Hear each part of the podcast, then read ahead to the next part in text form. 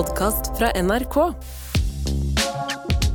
Når verden brenner, kobler mange av med feel good på TV. Er det lurt? Eller blir det som å stikke hodet i sanden?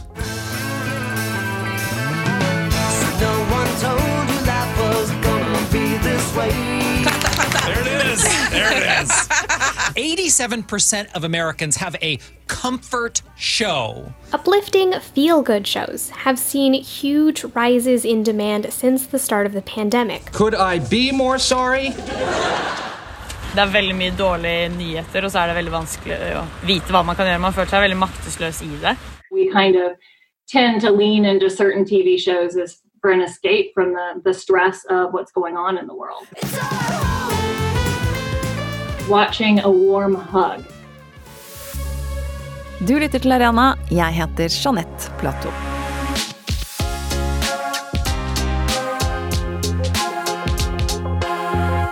Hva ser du på når verden blir for overveldende? For det er heftig nå, med mange vonde nyheter og et hardt debattklima. Så av og til kobler jeg helt ut og ser på gamle episoder av Friends. Det er trygt, jeg vet nøyaktig hvordan hver episode slutter, jeg ler, og verden går i en slags balanse et lite øyeblikk. Og jeg er ikke alene. Friends er akkurat nå den serien som blir sett av flest folk i verden på HBO. I en amerikansk undersøkelse i år svarer 87% at de har en TV-serie de ser på igjen og igjen når det er tunge tider. Men eh, hvis du er som meg, så spør du deg også kanskje av og til om du skal ha litt dårlig samvittighet for å rømme inn i en sånn lun boble av humor og nostalgi mens verden der ute brenner. Som vanlig så har jeg invitert tre smarte gjester for å undersøke ett tema i Arena. I dag hvorfor kan det være viktig å se på Feel Good nå, og når tipper det over til å bli at vi bare stikker hodet i sanden. Silje Nordnes, programleder i NRK, blant annet for Maskorama, velkommen. Tusen takk. Gry Rystad, TV-viter ved Universitetet i Oslo, velkommen. Takk. Og Halvard Mo, medieforsker ved Universitetet i Bergen, velkommen. Tusen takk. Ok, åpningsspørsmål til alle sammen. Jeg har altså nå innrømmet at jeg ser på Friends igjen og igjen. Silje, hva kobler du av med? Jeg ser på uh, ukompliserte tenåringsdrama. Gjerne helst high school. Altså, vi skal til USA. Og så er det romantiske komedier og kostymedrama. Å, nydelig. Gry? Jeg må støtte opp på den. Uh, Jeg så en gang 17 timer i strekk av The OC. Så veldig, veldig glad i de sjangerne. Og så er jeg også veldig glad i sånn lettbent feel good reality. Halvard, hva med deg? Romcoms? Ja, nesten.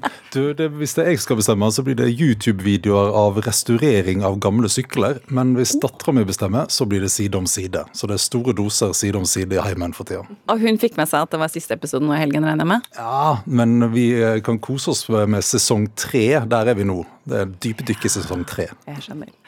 Ok, Silje, eh, begynn litt med deg. Eh, vi må snakke litt om nyhetsbildet før vi går eh, fullt inn i Feelgood her. Eh, hvordan har du forholdt deg til nyhetsbildet siden det ble krig nå mellom Israel og, Gaza? Først så fikk jeg behov for å stenge det ute, for det er jo ikke første gangen det her skjer eh, på generell basis. Det er ikke første gangen det skjer i Gaza. Så da var det sånn ikke igjen, liksom.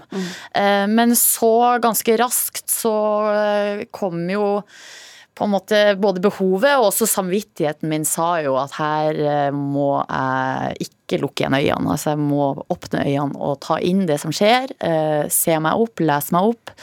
Eh, Og så er det jo litt nytt. Vi har jo sett det noen år. Vi så det med, med den arabiske våren, med Ukraina.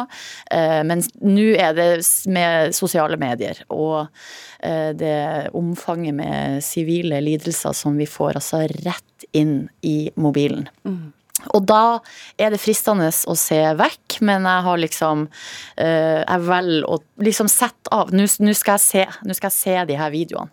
Eh, og så vet jeg at det er, det er tungt, men det liksom føler jeg at jeg må gjøre, da. Du lager noen slags sånne regler for deg selv? På et vis, altså, for jeg, jeg kan altså, jeg sitter jo som veldig mange andre med den mobilen i handa hele tida. Uh, og jeg kan ikke sitte og se på de videoene hele tida. Fordi jeg vet når jeg går inn på den historiefunksjonen på Instagram, så er det det som ligger der. Og så gjør jeg det innimellom. Ja, fordi jeg føler jeg må. Halvard, du er jo medieforsker da, ved Universitetet i Bergen. Eh, og så vet jeg at du mener at det er tre faser vi som publikum går inn i når det skjer noe så voldsomt eh, i verden. Eh, og det var jo det Silje snakket litt om her også, forskjellige faser. Hva, hva er de fasene? Ja, Når vi har forska på, eh, på nyhetsbruk, så ser vi, eh, mener vi, et visst mønster der. Altså Den liksom hverdagslige, vanlige nyhetsbruken den er for folk flest prega av litt sånn omtrentlig sjekking. ikke sant? Vi er innom noen nettaviser, og vi prøver å huske på å lese noen artikler litt seinere hvis vi fatter interesse for det. Men så når det skjer noe plutselig der ute i verden, så kommer det gjennom nyhetene ekstremt tett på, og blir liksom litt sånn overveldende og altoppslukende. Og da er det mange som vi har studert, som rapporterer enten det er covid, eller det liksom er valg av Trump, eller det er eh, en krig, så rapporterer de at de blir liksom sugd inn i en eh, litt sånn overveldende strøm som er vanskelig å komme ut av. Og det tror jeg er noe av det som hører Silje beskrive her. altså. At den mobilen er med oss hele tida, og det er bare eh, et voldsomt behov for å oppdatere seg, og det kan bli altfor mye. Og så kan man jo ikke leve med det hele tida. Det går ikke an å være liksom totalt inne i nyhetsbildet og, og bare som Silje sier, se de videoene hele tida. Det går jo ikke an. Så da må man gjøre noe, ta noen grep for å liksom regulere, distansere seg litt. Um, og da er det liksom å få tilbake en slags stabilitet, komme i gang igjen med hverdagen, som er liksom neste steget, da kan du kanskje si. Halvard, vi skal snakke mye mer med deg om, om hvordan vi forholder oss til nyhetsbildet litt senere. Men i dag i Arena så skal vi snakke om to ting.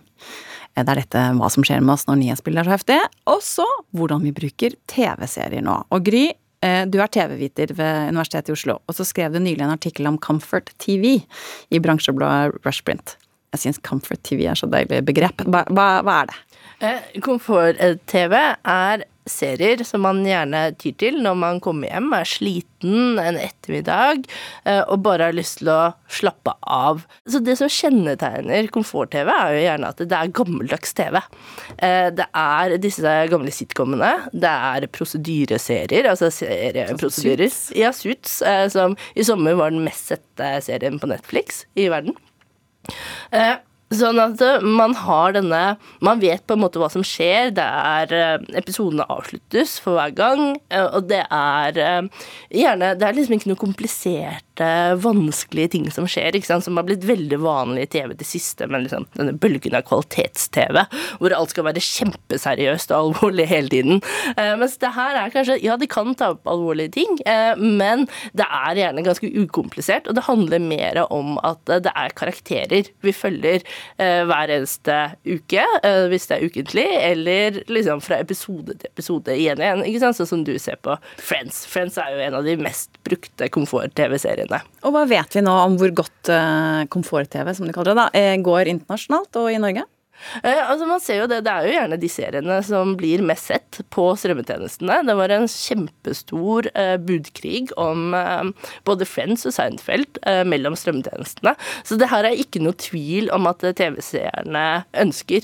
Det som er interessant, er at vi på en måte går litt tom for disse komfort-TV-seriene. For disse strømmetjenestene og kabel-TV-kanalene har produsert veldig mye sånn alvorlig kvalitets-TV. Og komfort-TV blir gjerne lagd av de gode, gammeldagse amerikanske nettverkene, sånn NBC og ABC, som produserte The Office og Friends og, og Seinfeld.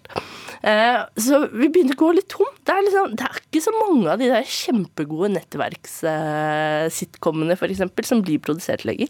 Eh, så jeg har eh, lest noen sånne intervjuer med sånne bransjefolk hvor de klør seg litt i hodet og bare hm, kanskje vi skal lage litt mer TV som Suits eller Seinfeld eller Friends. Jeg skal ikke gi meg helt med å snakke om, om Friends. Eh, Jeg må, må si en ting til, og det er selvfølgelig at Matthew Perry han døde jo da nylig. Eh, Han spilte Chandler Bing. Eh, Det har fått enorm oppmerksomhet verden over. Folk strømmer til leiligheten i New York der serien ble spilt inn. De legger igjen blomster. Det er Friends-memes eh, overalt i sosiale medier. Eh, På topp, som du sa, på HBO. Eh, og i tillegg så har den tittellåta, eh, I'll Be There For You, den har fått en oppsving med over 1,3 millioner strømninger på, på Spotify og YouTube bare denne uka etter hans død. Eh, Silje, i sted så sa du det var eh, romcoms og high school og sånn, men, men eh, du klappet veldig da det var eh, kjenningslåta til Friends eh, i starten her. Du, du kan Friends. Jo da, jeg har sett min fair share of, uh, av Friends. Men uh, jeg driver jo ikke med det der å drive og se gamle serier om igjen, egentlig. Altså, Friends har jeg jo altså, Jeg vet ikke hvor gammel jeg var da Friends kom. Jeg var vel tolv år, eller? Det var fra 1994 til 2004 at Friends Ja, så jeg var ti år da. Eh, og da, det betyr jo at jeg så det jo da det, da det var nye episoder på, på tirsdagskveld eh, på TV 2 eh, klokka 22.30. Etter Grace Anatomy eller Ally McBeal eller hva det var. Og så har jeg jo selvfølgelig sett det som sånn etter skoletid-TV. Helt fram til ja, jeg slutta å, å ha etter skoletid-tid. Så der føler jeg meg litt mett kanskje. Så jeg vil gjerne se nye ting, men jeg liker at eh, kontrakten eh, på en måte som ser er at det går bra til slutt. Uh, ja, så jeg vil bli utfordra, men ikke så mye. Ja, for hva gir det deg når du sitter der i sofaen og ser på dette? Eh, Det er, jeg tror det er litt forskjellige ting. Altså de her nye eh, high school tenåringsdramaene, der gir det meg altså, jeg- Man skal jo ikke gå helt inn i psykologrommet her, men med å snakke om sånn her å hele sitt eh, indre barn og sånn, at de behandler en del tema som for mange kan være komplisert og vanskelig, men f.eks. legning, også problemer med forventninger fra familie og venner, eh, mangfold, religiøst, etnisk mangfold. Men så gjør de det på en sånn fin, moderne måte, som jeg eh, syns er bare så Og alle Det er så komisk, for alle de her tenåringene de har sånne store problemer, men de er så flinke til å snakke om det. og de, de skulle snakka med hverandre. Så det kom- kommer problem, og så eh, løser de problemene. Med hverandre eller med foreldre eller lærere som er liksom stødige voksenpersoner i livene deres. Og lykkelig slutt. og som oftest, ja, så er det jo lærdommen er jo vel at det, slutten er lykkelig, men det er ikke sikkert det blir sånn som du har tenkt. Men det er, går alltid bra. Ja, Så det gir meg jo en slags eh, Det gir meg underholdning, eh, fordi jeg engasjerer meg veldig i de her tenåringene sine kjærlighetsliv. Eh, Men det gir meg en ro, da. En trygghet. Underholdning, ro og trygghet. Du, jeg må spørre deg, Side om side, det var jo siste episode nå da i helgen, eh, som eh, Halvor var inne på. Så er det noe som forener eh, mange familier. Man ser på det, på det sammen. Vil du si at Side om side er en, en komfort-TV-serie? Absolutt, og det nevnte jeg ikke i stad, men en av de beste øh, eksemplene, eller kjennetegnene, på en komfort-TV-serie er at det er masse episoder. Det er kjempeviktig at det er masse episoder, faktisk. En miniserie blir ikke komfort-TV på samme måte som disse sitcomene eller Suits blir det. Hvorfor ikke? Fordi det har et eller annet med at du setter deg ned, og så skal du bare se det flyte og gå. ikke sant? Man eh, kan gjerne sette seg ned og se eh, fem episoder på rappen, sånn at det bare går i bakgrunnen. Og da må man jo ha mange episoder. Og det også er jo kjennetegnet for Friends og Seinfeld og alle disse sitcomene, var jo at det er jo hundrevis eh, av episoder. Altså Friends gikk jo i ti år, eh, og så var vel sesongene sånn 22 episoder eh, hvert år, så da blir det jo veldig, veldig mange episoder.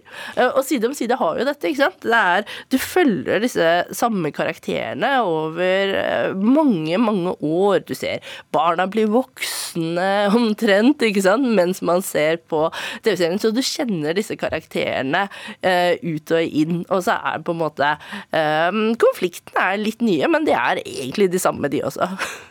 Og en av de som har samlet familiene i norske hjem i ti år nå, det er jo skuespiller Vidar Magnussen, kjent som Jonas Kvåle. Jeg spurte han om hvorfor han tror Side om side har blitt en så stor publikumsfavoritt.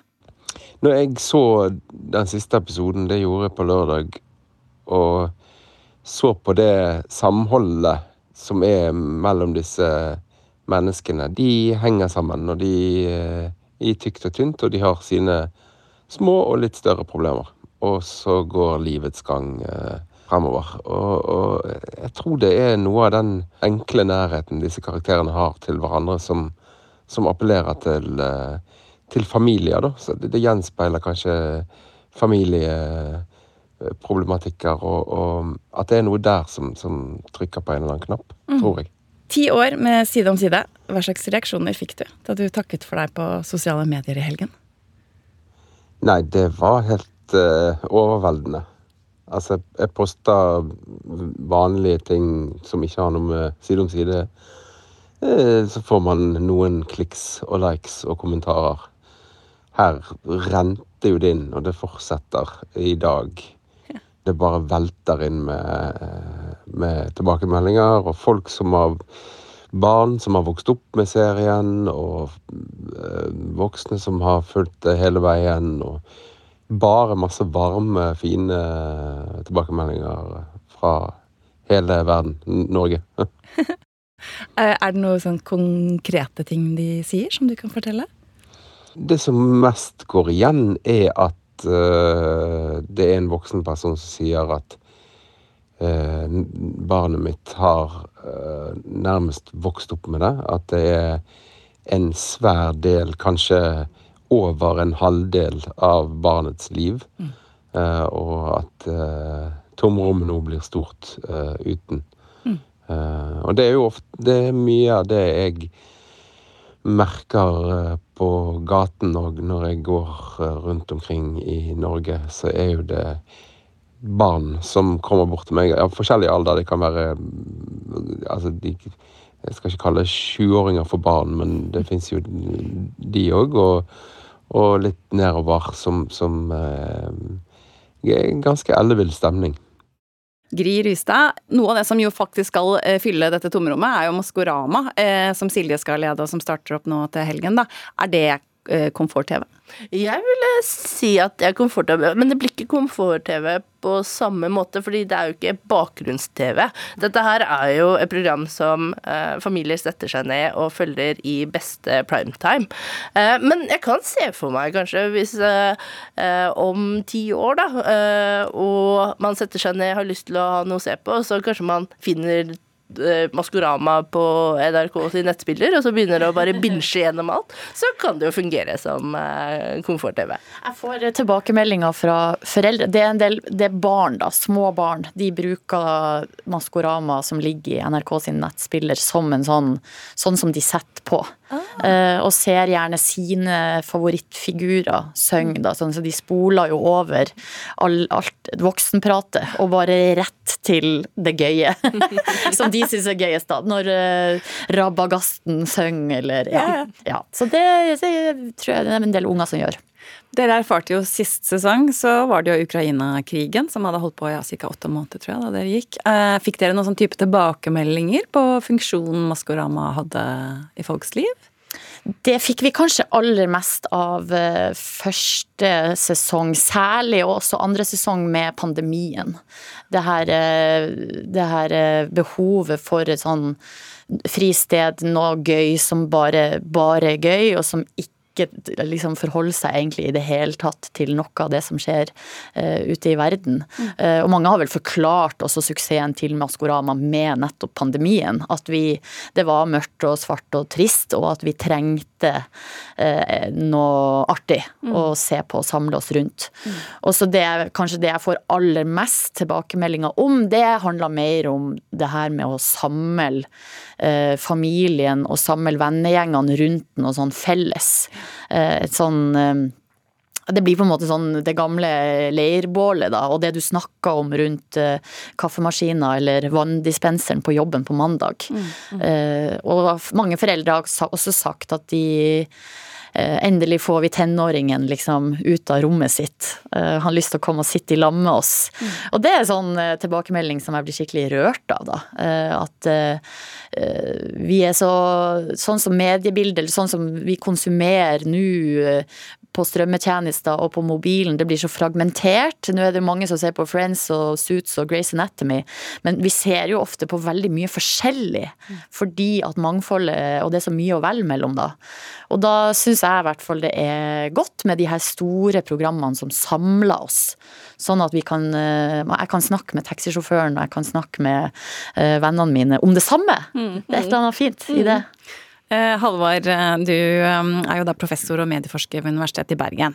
Og så var du ansvarlig for den norske delen av Reuters Institutes Digital News Report. Altså det er verdens største medieundersøkelse om utviklingen i digitale medievaner. Og det var jo nettopp det Silje snakket om nå. Um, det er ganske voldsomt å gå innom en nyhetsnettside nå. Hva, hva er det som er nytt med hvordan krig og kriser dekkes av mediene nå, sammenlignet med før i tiden? Ja, Det som jeg tror vi ofte har en tendens til, er å tenke på nyheter som sånn det var for liksom 20-30 år siden, når vi snakker om nyheter. Og kanskje også når vi snakker om liksom denne faren med at folk ikke følger nok med på nyheter. For 30 år siden så kom jo nyhetene i doser i løpet av dagen. ikke sant? En avis kanskje og et par TV-program. Eh, nå er det konstant og hele tida og blanda med alt annet. ikke sant? I sosiale medier eller hva det måtte være. Og så er det jo via telefonen. Så eh, vi må liksom tenke på nyhetsbransjen som en del av oppmerksomhetsøkonomien. Altså Nyhetsmediene, også de norske som VG og Aftenposten og NRK for den del, konkurrerer jo med Facebook og YouTube og Instagram om oppmerksomheten til brukerne. Og Det betyr òg at nyhetene bruker liksom de virkemidlene og triksene som eh, man har i læreboka, eh, for å lage eh, nettjenester som trekker til seg folk, og som får de til å bli der lenge. Og Det må vi liksom ha med oss for å forstå hvordan nyhetene fungerer, og hvorfor, liksom blir, hvorfor det blir så mye av det. da. Og så er det vel også slik i oppmerksomhetsøkonomien at man vet at sterke følelser er det som blir spredd mest, og det påvirker vel også hvor mye vi blir utsatt for av sterke inntrykk. Ja, helt klart. Det der med å skape engasjement for å få folk til å, til å enten poste ting, eller reagere på ting, eller videresende, eller hva det måtte være, det er jo en, en sterk tendens innenfor eh, oppmerksomhetsøkonomien, helt klart. Mm. Så det spiller absolutt en rolle her. Og, og hvordan er det nå da i forskningen deres i forhold til hvor mye er det vi orker i faser som dette? Ja, Det er et godt spørsmål hvor mye vi orker. Det vi i hvert fall ser, er at det er ganske utbredt det der med å si at man noen ganger eh, forsøker aktivt å unngå nyheter. I den Reuters-rapporten som du nevnte her, så eh, årets rapport der, så sier nesten hver fjerde nordmann som vi har spurt, at de eh, ofte eller noen ganger aktivt prøver å unngå nyheter. Det betyr jo ikke at de ikke bruker nyheter regelmessig, men at man liksom forsøker da aktivt å gjøre noe med den litt overveldende eh, følelsen. Mm. Og da er Det mange, det er interessant å høre den diskusjonen eh, som vi har her nå. fordi at det er mange forskjellige ting vi, vi ser i forskningen vår at folk gjør for, når de skal prøve å komme liksom unna nyhetene litt. da. Eh, og Dette med komfort-TV det kjenner vi absolutt igjen. ikke sant? Eh, under pandemien særlig så så vi òg det som, eh, som det snakkes om her, med hvordan de litt sånn feel good-programmene, eh, eller for den saks skyld dataspill, kunne være en måte å liksom koble av fra nyhetstrykket og gjøre noe annet, og da gjerne sammen med noen andre. ikke sant? Så det er én ting man kan gjøre. Velge noen andre typer medier. Eh, under pandemien var det jo veldig mye snakk om surdeigsbaking og turer i skog og mark og sånn òg. Så det å liksom gå ut, gå vekk, ta, legge helt bort mediene, er liksom en annen ting. Og En tredje ting som vi, som vi ser som vi syns er litt interessant, det er òg at folk forsøker å velge eh, visse typer nyhetsformer, eller visse typer plattformer, som ikke er så påtrengende eller ikke så overveldende. Ja, hvordan det? Ja, Det kan f.eks. være istedenfor å se videoer på Instagram, så forholder man seg kanskje til en pressekonferanse fra myndighetene, sånn typisk under pandemien, der det er litt mer sånn no nonsense, fakta, ikke så mye dramatikk, ikke så mye spekulasjon osv. Men det er vel ikke det man ser så mye av nå? Nei, det er det jo ikke. Det finnes ikke noen, noen direkte parallell til Erna sine pressekonferanser eh, akkurat nå under, under krigen i Gaza. Eh, Men man kan allikevel se for seg at man velger noe som ikke er så eh, prega, altså medieformer som ikke er prega av at det blir dytta på deg hele tida, og der du er. Eh, Og da kan jo eh, en eh, ja, en avis eller en TV-sending være å foretrekke kanskje foran eh, en sosiale mediestrøm, f.eks. Men Halvard, det er noe som jeg har vært litt sånn bekymra for når jeg skulle lage dette programmet, nesten. Fordi på en måte så er jo dette her et sånn ilandsproblem. At vi skal snakke om at dette er slitsomt for oss å se på andre folk i andre steder i verden lide. Så eh, hvorfor er det viktig å snakke om hvor godt vi, vi her hjemme takler tragiske nyheter? Ja, det, det er jo viktig, fordi dette er jo en, altså, de sakene vi her snakker om, er jo kjempeviktige for eh, verden og for samfunnet. ikke sant? Og, og som, eh, som du var inne på tidligere i, i sendingen, hvis alle bare stikker hodet i sanden og ikke følger med på det som skjer i samfunnet overhodet, så har vi et problem i et demokrati. ikke sant? Um, til det så er det noe å si det at eh, det er liten grunn til bekymring for nordmenns nyhetsinntak sånn generelt. Det er veldig få som nesten ikke bruker nyheter i det hele tatt. Og eh, det er nok helt eh, nødvendig å finne eh, en, form, en måte å regulere denne nyhetsstrømmen på da, i, i hverdagen for folk. Og det, sånn som med de nyhetsmediene vi har i, i Norge i dag, så er det veldig mange muligheter for, for folk flest til å få med seg hovedpunktene eh, på agendaen, også om sånne ting som krigen i Gaza eller Ukraina, for den del. Mm. Det er jo et veldig hardt debattklima eh, akkurat nå også rundt denne saken. Eh, tenker du, Halvard, at det, det er litt viktig nå å ta noen pauser og puste litt med magen innimellom? Ja, absolutt. Um, nyhetsmetthet um, har vi snakket om i det, i det siste. Det er, det, er, ikke noen god idé å være helt påkobla og bli, bli altfor liksom, oppslukt av det hele tida. Så noen pauser er bra. Samtidig, som det er viktig å understreke, det er klart det at et demokrati forutsetter at borgerne eh, liksom bryr seg om de store sakene som, som, vi, som krever en felles løsning. Også disse kjempevanskelige sakene som går langt utenfor det norske demokratiets grenser. Jeg har vært litt nysgjerrig på hva som skjer i hjernen vår, helt sånn konkret, eh, når vi blir utsatt for så mye nyheter, og når vi ser på komfort-TV. Eh, så jeg har intervjuet Siri Leknes, hun er hjerneforsker og professor i nevrovitenskap ved Universitetet i Oslo, og spurt henne hva som skjer i hjernen vår når vi ser på dårlige nyheter. Vi blir jo aktivert. altså det er, Menneskehjernen er jo på en måte laget sånn at vi tar til oss informasjon. Det klassiske eksempelet er jo liksom sånn du står på savannen, og du er på utkikk etter, etter løver, og hvis du ser noe som kan ligne på en løve, så slipper på en hjernen fri masse stresshormoner i kroppen, og de hormonene gjør oss på en måte bedre i stand til å bruke sukker i blodet, sånn at vi liksom kan mobilisere veldig, da. Så det handler på en måte om å bli og være klar til å reagere. Eh, og det er jo der vi får en veldig sånn mismatch mellom virkeligheten her i Norge, hvor alt jo er på en måte sitt relativt sånn søvn, søvnige, vanlige jeg. Så hver gang vi dypt dykker inn i nyhetene, så, så bombarderes vi jo med liksom krise, krise, krise. Og da slipper eh, potensielt liksom, det, det løs masse, masse stresshormoner i kroppen. Men så trenger jo ikke vi nødvendigvis å mobilisere så fælt, da. Så det er jo der vi må lete etter en, en balanse. Hvordan skal vi egentlig ta dette? Fordi vi trenger også den energien for å liksom virkelig få en energi i samfunnet, for å mobilisere folk til å liksom gå ut og demonstrere i gatene, eller på en måte prøve å gjøre det vi opplever at vi kan gjøre for å hindre verden i å gå helt av hengslene, da. Mm. Hva skjer konkret i hjernen når vi ser på, på feelgood TV og film? Hjernen er jo utrolig god til å simulere, til å, til å late som, sånn at når vi så vi lever oss jo, ikke sant? Det er jo derfor film funker så bra, for vi lever oss veldig inn i det. Og feelgood er jo ofte situasjoner der på en måte ingenting stort står på spill.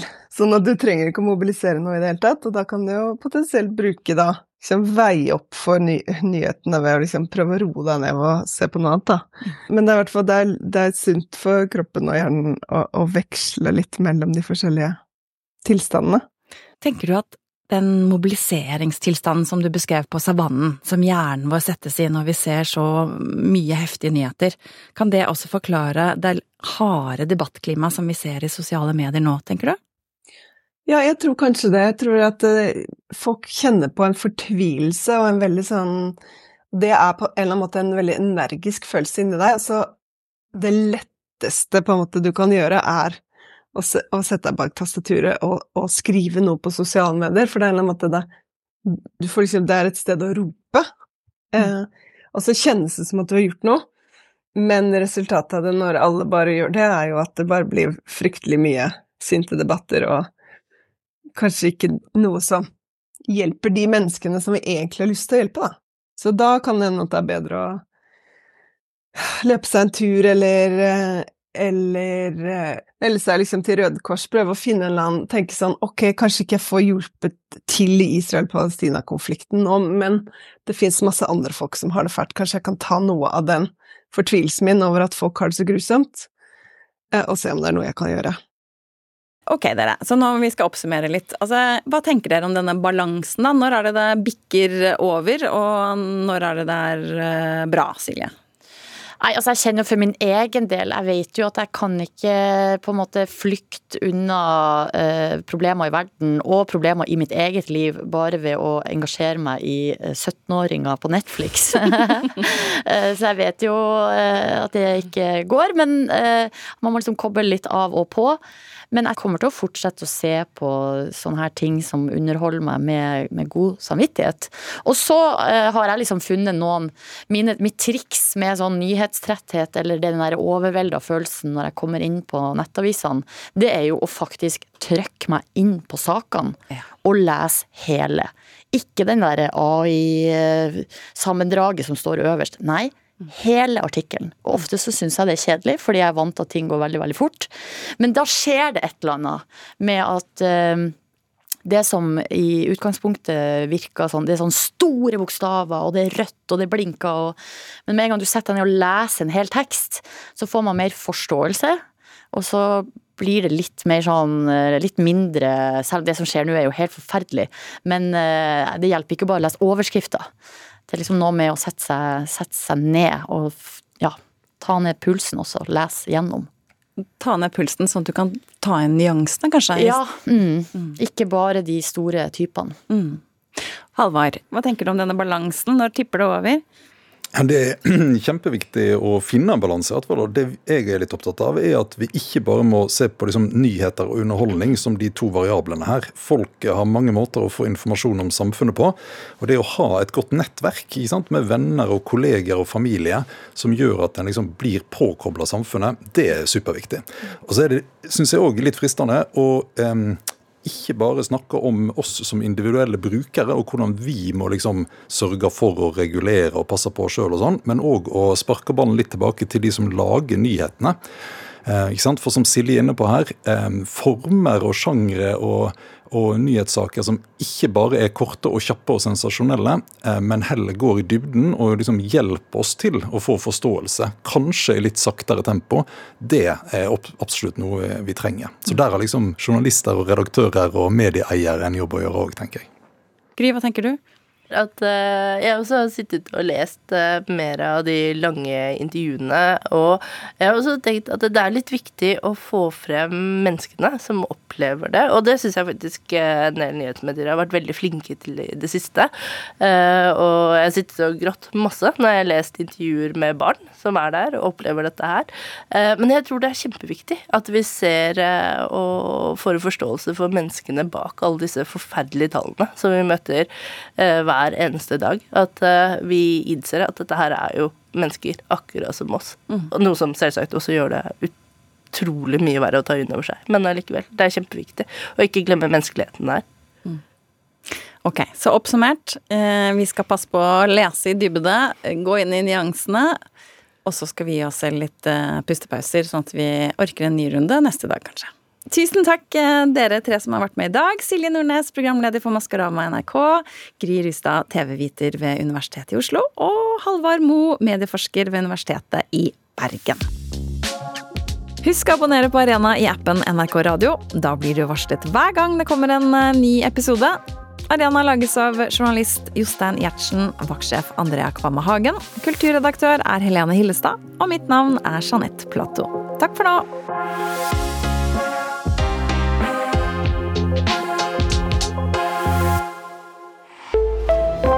Podkast fra NRK. Så så jeg bare nei og nei og nei. Jeg har jo stjålet Altså, jeg visste jeg hadde stjålet litt, som jeg har skrevet om også, men jeg, jeg har jo stjålet ordrett, ikke sant. Hvilken poet er det som skriver så bra at musiker og programleder Kristoffer Schou ikke klarer å la være? Han må bare låne litt. Jeg vet jeg har ikke klart å la være, altså. Godteriskåla ble stående framme på bordet, det var ingen voksne som passa på. Brenner dere dikt hører du i appen NRK Radio.